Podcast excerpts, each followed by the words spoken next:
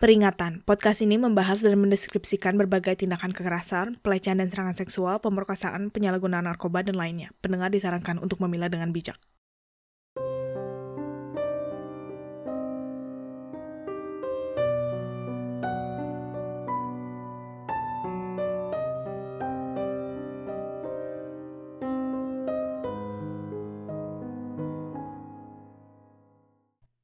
Hai semua, semoga hari ini kalian semua sehat-sehat ya. Nama gue Mel dan hari ini gue mau ceritain sebuah powerful story tentang seorang individu yang sangat-sangat amazing. Jadi agak berbeda sedikit dari minggu-minggu sebelumnya ya, karena di episode kali ini kita akan lebih fokus ke si korbannya daripada si pelaku kejahatannya, karena si korbannya ini berhasil bertahan hidup dari serangan seseorang yang gue bisa panggil monster. Dan tentunya ya scarier don't goes as usual. Dan dia ini bernama Mary Vincent di mana insiden tersebut terjadi ketika dia berumur 15 tahun. 15 tahun! Dia itu masih apa ya kalau di Indonesia mungkin dipanggilnya masih cabe gitu ya. Tapi ya apa yang dia alami ini bener-bener gila banget. Gue bener-bener gak ngerti dan gak bisa bayangin gimana seseorang bisa bertahan hidup dengan apa yang terjadi terhadap Mary. Apa yang harus dia lakukan untuk keluar dari kebrutalan yang terjadi dan trauma yang dia alami seumur hidupnya karena kejadian ini. Dan gilanya nih cewek bisa bertahan hidup like a fucking warrior. Dan bahkan dia juga berjuang untuk melawan si penyerangnya ini di pengadilan dan making sure penyerang ini nggak bisa ngelakuin hal yang sama yang dia lakuin ke Mary ke korban-korban selanjutnya. Cewek ini sangat-sangat badass dan I have all my respect for her. Nah, jadi kalau gitu kita langsung aja mulai ceritanya gimana Mary Vincent bisa survive dari serangan yang benar-benar brutal trigger warning dulu ya. Um, kasus ini bakal bener-bener oh, menjijikan dan banyak involve pemerkosaan, serangan seksual, dan tindakan kejahatan yang benar-benar brutal. Oke, okay. jadi di tahun 1978 di kota Las Vegas, tinggallah seorang perempuan yang cantik bernama Mary Vincent. Mary Vincent itu dikenal sebagai seorang yang suka menari, di mana guru dance-nya bilang kalau Mary itu bakal menjadi penari yang hebat. Sebagai mantan dancer, gue bener-bener bersimpatin abis nih sama Mary, apalagi setelah denger apa yang terjadi sama dia. So, situasinya keluarga Mary itu bisa dibilang gak sempurna, keluarganya memiliki permasalahan keuangan dan generally umur 15 tahun tuh adalah masa-masa yang gak gampang. Ya gak sih? Gue inget banget kealayan gue waktu gue umur 15 tahun kayak masih masa-masa puber kita nggak kenal diri kita sendiri berusaha mencari jati diri dan umur di saat-saat kita sangat emosional ya nggak sih dan di saat itu orang tuanya Mary juga menghadapi permasalahan di pernikahan mereka di mana mereka mau bercerai. Dan pastinya untuk Mary dan enam saudaranya karena dia itu tujuh bersaudara di keluarga ini, situasinya pasti berat banget gak sih buat Mary? Dan suatu hari bapaknya Mary itu marah sama Mary. Kurang jelas apa alasannya, tapi hari itu pokoknya dia ada permasalahan di mana dia jengkel sama Mary. Saudara perempuannya Mary kemudian memperingati Mary kalau bapaknya nih marah nih sama dia dan mungkin dia akan dimarahin kalau dia ketemu bapaknya. Dan karena itu dan mungkin juga karena hal-hal lainnya Mungkin karena udah sama keluarganya lagi di keadaan sulit, orang tuanya mau bercerai, dan ditambah bapaknya ternyata punya masalah juga sama dia. Akhirnya Mary memutuskan kalau dia udah gak tahan lagi. Dia mau minggat dan lari dari rumah. Mary pun akhirnya lari dari rumah dan pergi tinggal sama pacarnya saat itu. Di mana mereka tinggalnya itu di dalam sebuah mobil, mobil pacarnya. Dan kalau di Amerika itu banyak ya orang yang gak punya rumah dan ujung-ujungnya tinggal di mobil mereka. Jadi mereka ini orang-orang normal tapi tiba-tiba misalnya dipecat dari pekerjaannya atau punya permasalahan finansial lainnya dan mereka bisa memutuskan untuk jual rumahnya atau yang nggak bisa bayar kontrakan lagi gitu dan akhirnya tinggal di mobil. Di mana kalau mereka mau ke WC mereka akan pergi ke toilet pom bensin kayak gitu-gitu pokoknya. Jadi walaupun situasinya nggak ideal tapi hal ini cukup wajar gitu ya di Amerika cukup bukan bukan wajar sih lebih kayak cukup umum lah. Banyak orang yang mengalami hal ini ketika mereka bisanya tinggal di mobil gitu. Akibat permasalahan finansial. Tapi ya oke, balik lagi ke Mary. Jadi tentunya untuk seorang remaja tinggal sama pacarnya di space sekecil mobil itu pasti susah banget kan ya. Kalau orang gede aja udah pasti susah sharing tempat sekecil itu sama seseorang, apalagi kalau mereka masih remaja. Jadi Mary pun akhirnya putus sama pacarnya dan setelah dia putus dia gak tahu mau pergi ke mana dan tentunya dia perlu tempat tinggal dan dia pun pergi dan tinggal di rumah pamannya untuk sementara. Untungnya saat itu pamannya nggak bolehin.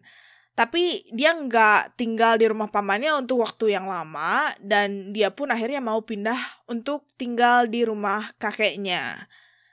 Hari itu, dia memutuskan kalau dia mau hitchhike ke rumah kakeknya. Di tahun 70-an tuh, hitchhiking adalah hal yang cukup wajar dilakukan orang-orang juga.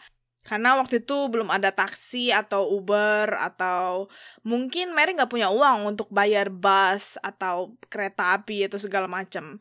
Jadi kalau kalian nggak tahu hitchhike itu apa, Pokoknya hitchhike itu kalau seseorang ngeluarin jempolnya untuk nyetop mobil yang lagi lewat di jalan raya gitu ya. Dengan maksud untuk menumpang ke arah terdekat ke tujuan mereka. Mirip kayak angkot, cuma bedanya ini bukan nyetop angkutan umum, tapi nyetop mobil pribadi orang untuk numpang gitu. Mari pun di hari di mana dia mau pergi ke rumah kakeknya, dia mau hitchhike juga dan dia pun berdiri di pinggir jalan raya dengan dua orang lainnya yang juga lagi hitchhiking. Dan dia pun ngejulurin jempol dia sambil berharap ada mobil yang akan berhenti untuk ngebolehin dia numpang. Dan sebuah mobil van berwarna biru pun berhenti dan di dalam mobil tersebut seseorang bernama Lawrence Singleton atau kita akan panggil Larry menawarkan tumpangan kepada mereka. Mary bilang kalau Larry itu kelihatan seperti like nice looking older man. Jadi katanya dia kelihatan seperti bapak-bapak yang berkeluarga gitu loh atau bahkan kakek-kakek yang udah punya cucu.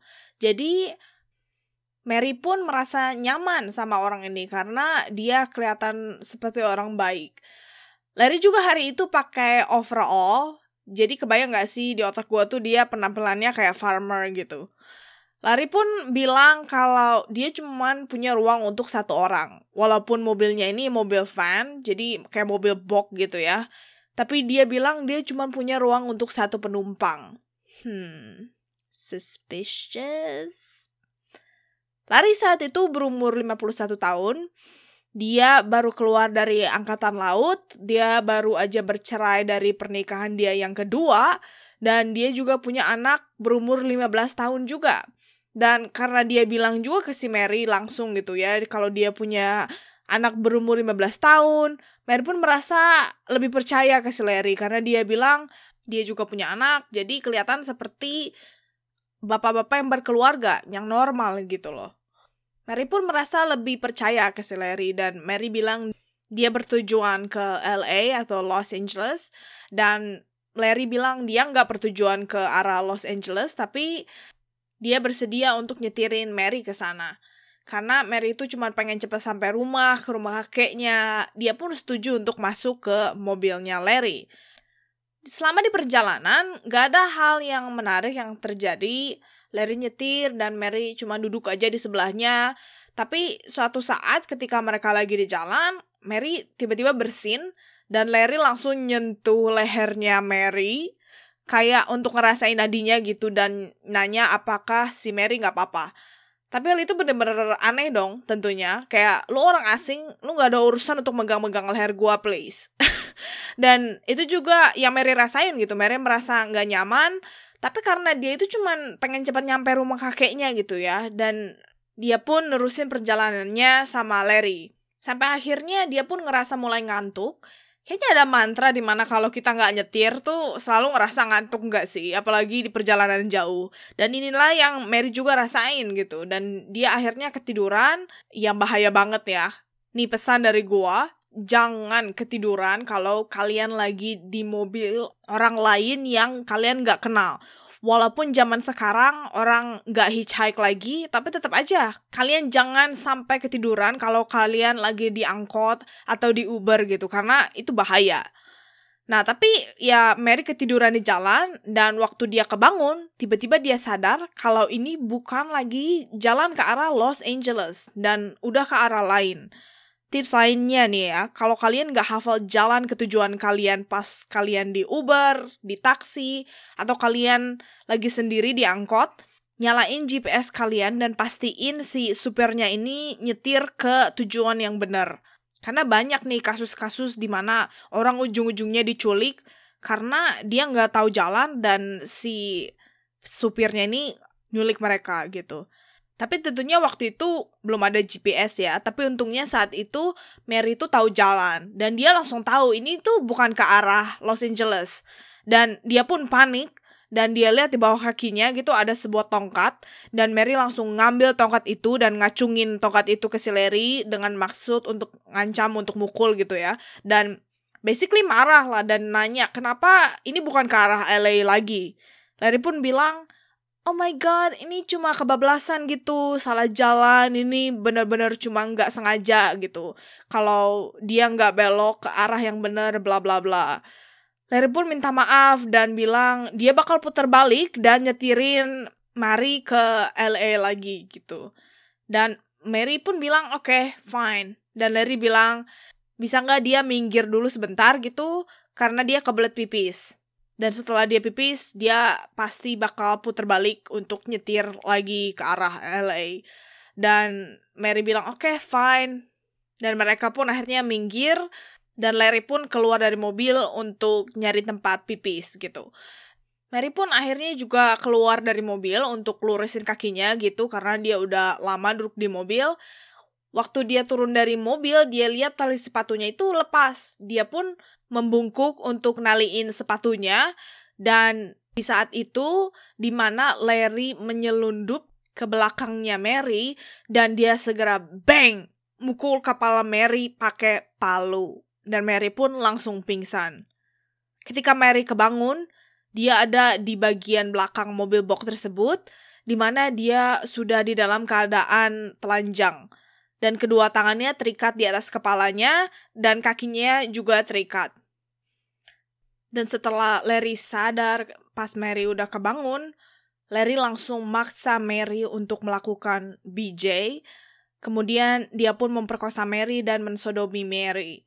Gak selesai di situ, dia nerusin nyetir ke daerah yang lebih sepi dan memperkosa Mary lagi berkali-kali. Mary bilang mungkin bisa dihitung kalau Larry itu memperkosa dia selama 6 sampai 8 kali di mana dia merasa benar-benar kesakitan di saat ini terjadi. Dan ingat ya, Mary itu cuma 15 tahun. Larry pun maksa Mary untuk minum sebuah cairan di dalam botol plastik. Mary nggak tahu apa isinya, tapi ini bikin dia pingsan. Dan ketika dia kebangun lagi, Larry bawa dia keluar dari mobil, banting Mary ke tanah, dan dalam kondisi masih telanjang, Mary memohon untuk dibebaskan. Dan Larry bilang, You wanna be set free? I'll set you free. Artinya, lu mau bebas? Oke, okay, gue bakal bebasin lu. Larry pun jalan balik ke mobilnya, dan balik lagi ke Mary membawa sebuah kapak. Larry nahan badan Mary di tanah. Mary memberontak-rontak, teriak-teriak. Larry pun langsung ngebacok dan motong tangan kanannya Mary. Gak berhenti di situ, Larry juga ngebacok tangan kirinya Mary tiga kali sampai tangan kirinya juga terputus. Huh. Larry benar-benar ngebacok dan ngebuntungin kedua tangan Mary ketika Mary masih sadar the entire time. Karena selama ini Mary masih berontak, setelah tangan kirinya lepas, tangannya itu masih pegangan ke si Larry di mana Larry harus berusaha mengelepasin tangannya Mary yang masih pegangan ke bajunya. Lu bayangin gak sih kayak uh. Kemudian Larry pun menggelundungkan badannya Mary ke dalam sebuah tanggul yang tingginya 9 meter. Di dalam keadaan dia berdarah-darah karena kedua tangannya abis dibacok sampai buntung. Duh, kebayang gak sih sakitnya gimana? Dan kemudian Larry pun ngejejel badannya Mary ke dalam sebuah pipa drainase yang terbuat dari semen. Kemudian dia bilang, Oke, okay, now you're free. What a fucking monster. Larry tuh ngelakuin ini karena dia yakin Mary itu pasti mati setelah ini. Dan Larry pun ninggalin Mary di situ untuk berdarah sampai mati pokoknya. Dan di saat itu, Mary yang udah dijejel ke sebuah pipa mikir, oke, okay, gue bisa mati di sini seperti apa yang si Larry mau, atau gue bisa keluar dan make sure gak ada orang lainnya yang jadi korban Larry seperti gue. Mary di saat ini udah banyak kehabisan darah, bahkan di sebuah laporan bilang dia itu kehabisan 50% dari suplai darah di badannya. Ah, gila nggak sih? Bayangin gimana lemes dan gak bertenaganya dia. Tapi di saat itu dia benar-benar berusaha dan memaksa dirinya untuk tetap sadar. Karena kalau dia pingsan, ya mungkin dia akan kehabisan darah dan mati dan Larry bisa bunuh cewek lain dan ngelakuin hal yang sama. Tapi dia benar-benar berusaha banget untuk tetap sadar dan cari bantuan karena dia dalam hatinya mikir kalau enggak orang lain bakal mati. Mari pun akhirnya keluar dari pipa tersebut dan kemudian dia itu kayak ngemasin tangannya yang buntung gitu ya ke lumpur supaya darahnya itu berhenti sedikit. Dan dia pun mulai mendaki si pinggiran tanggul itu yang tingginya 9 meter dalam keadaan tangan buntung berdarah-darah, telanjang, dan mungkin dia juga punya patah-patah tulang karena sebelumnya dia digelundungin ke tanggul ini gitu. Untuk mendaki bukit tanggul ini dengan keadaan dia yang sekarat, itu memerlukan waktu yang berjam-jam untuk dia akhirnya bisa sampai ke atas ke jalan raya lagi gitu. Dan ketika dia udah di jalan raya, dia harus jalan lagi sendiri di keadaan seperti ini selama 4 km sampai akhirnya ada mobil yang lewat. Dia pun teriak minta tolong dan ketika mobil ini mendekat dan melihat keadaan dia, mobil pertama ini langsung boom ngebut dan ninggalin dia. Memang kedengarannya ih jahat gitu ya kenapa lu nggak bantuin? Tapi Mary bilang dia mengerti kenapa mobil itu langsung kabur. Karena keadaan dia ini bener-bener kayak film-film horor nggak sih buat si pengemudi mestinya kayak di jalan raya tiba-tiba lu lihat orang telanjang dan dua tangannya buntung berdarah-darah pasti mereka juga takut dan langsung kabur gitu tapi untungnya mobil kedua juga muncul dan begitu ngeliat si Mary, si pengemudi dan penumpang yang adalah pasangan suami istri langsung memperbolehkan Mary masuk ke mobil di mana mereka pun membungkus badannya Mary dan segera ngebut ke sebuah bendara. Bendara maksudnya bandara ya. nah, jadi zaman dulu tuh nggak ada handphone dan mereka harus nyetir ke tempat di mana ada telepon umum dan telepon umum terdekat adalah bandara. Ambulan pun datang dan segera membawa Mary ke rumah sakit. Di rumah sakit, Mary nggak berhenti dan pasrah. Dia langsung berhasil ngomong ke polisi dan mendeskripsikan penampilan Larry secara sangat-sangat mendetail di mana sampai-sampai tetangganya Larry bisa langsung ngenalin kalau itu adalah si Larry gitu loh dari gambar polisi ini. Jadi bener-bener kayak foto dan si tetangganya ini nelpon ke polisi dan bilang, eh gue kenal orang itu. Dan polisi pun karena ini berhasil nangkep Larry. Di pengadilan, biasanya itu sangat-sangat berat buat korban untuk face to face sama penyerangnya. Tapi Mary, like the badass that she is, dia berdiri dan nunjuk mukanya Larry pakai lengan prostetiknya dan nge-confirm kalau ini adalah si penyerangnya alibinya Larry di pengadilan itu bener-bener bego banget lah. Dia bilang kalau oh Mary itu cuma pelacur yang dia bayar 10 dolar dan dia bilang di mobil vannya itu ada dua orang lain yang salah satunya adalah namanya Larry juga. dan dia cuma dijebak dan dituduh menjadi tersangka padahal bukan dia gitu yang menyerang. Tapi tentu aja hal itu bisa dengan gampangnya dibantah dan akhirnya ketika dia mulai ngaku dia ngaku kalau dia motong tangannya si Mary karena dia nggak mau mayatnya Mary diidentifikasi lewat sidik jari. Kayak bego banget gak sih? Padahal identifikasi juga bisa lewat dental record kali. Atau uh, mungkin mukanya gitu.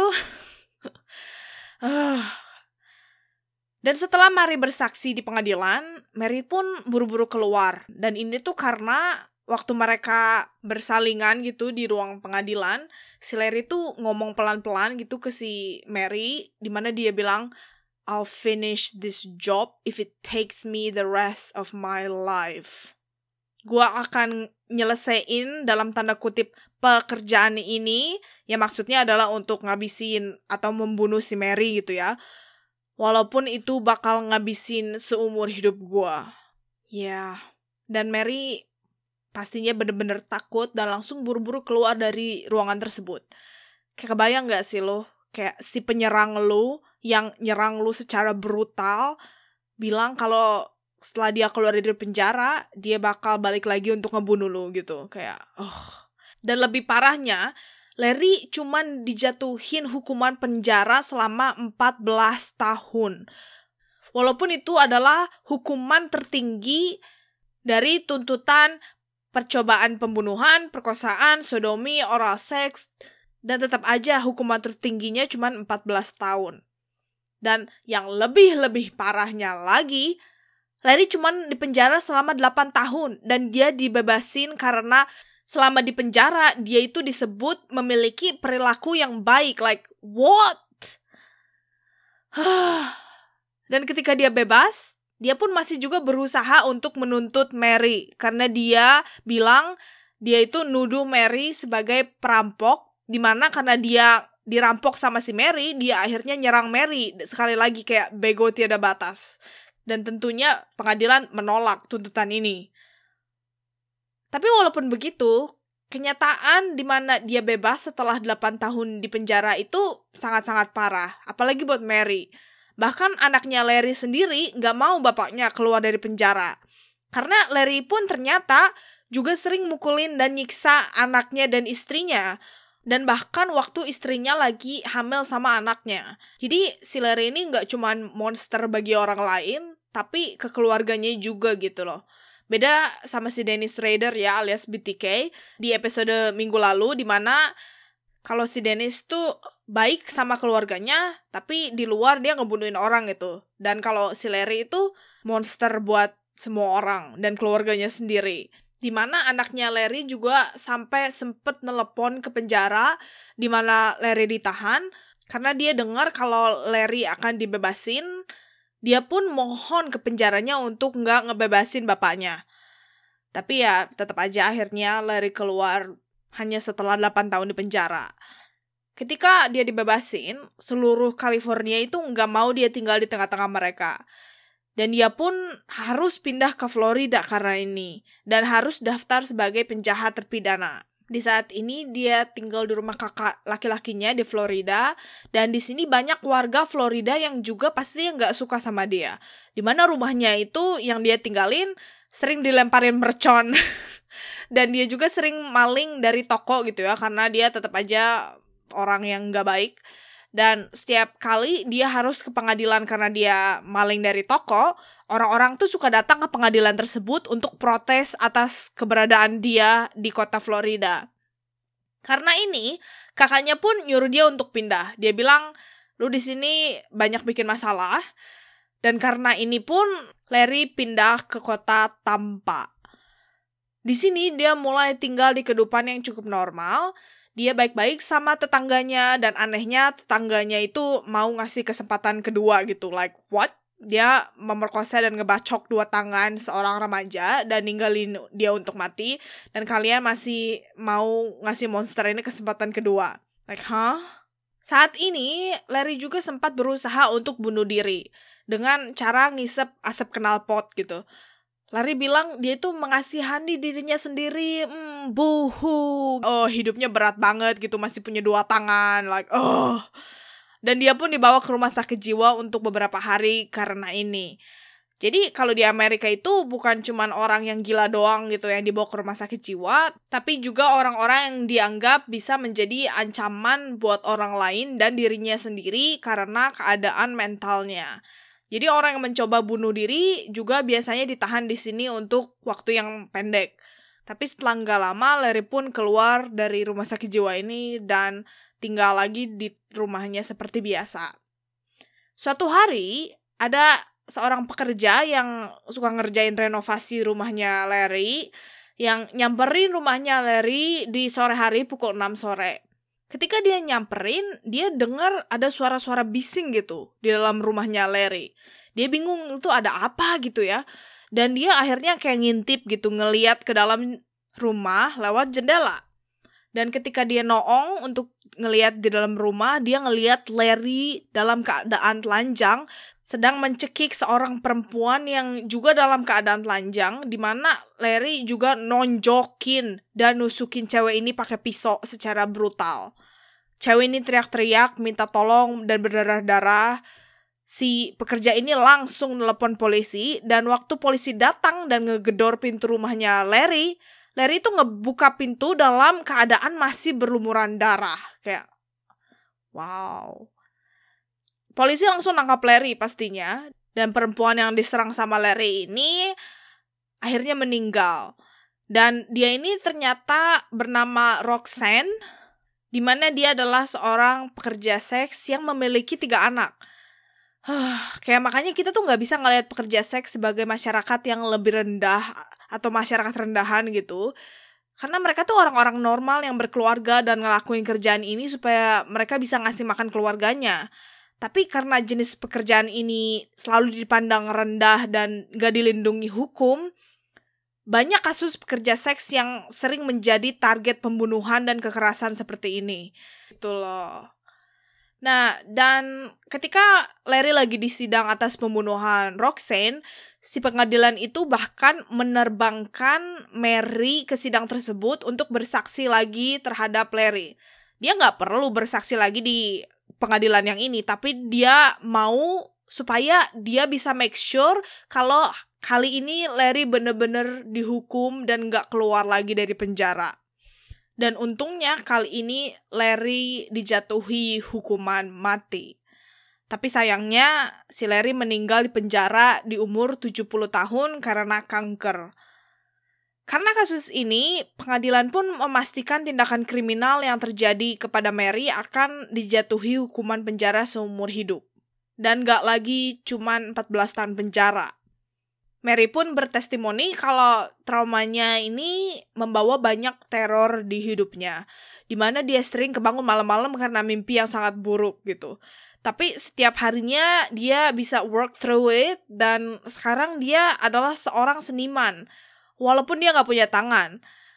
Mary mampu menjadi seorang bersinar dan nggak mendendam lagi, which is the most amazing thing gitu.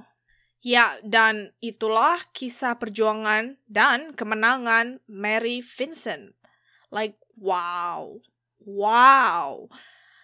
Kalau kalian mau komentar dan share pendapat kalian tentang kasus ini, kalian boleh komen di YouTube atau Instagram kita at scarier than ghosts.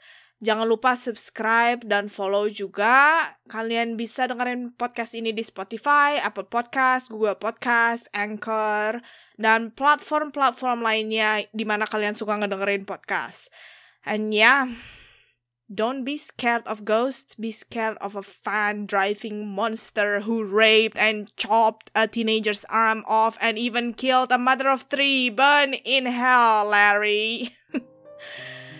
Bye.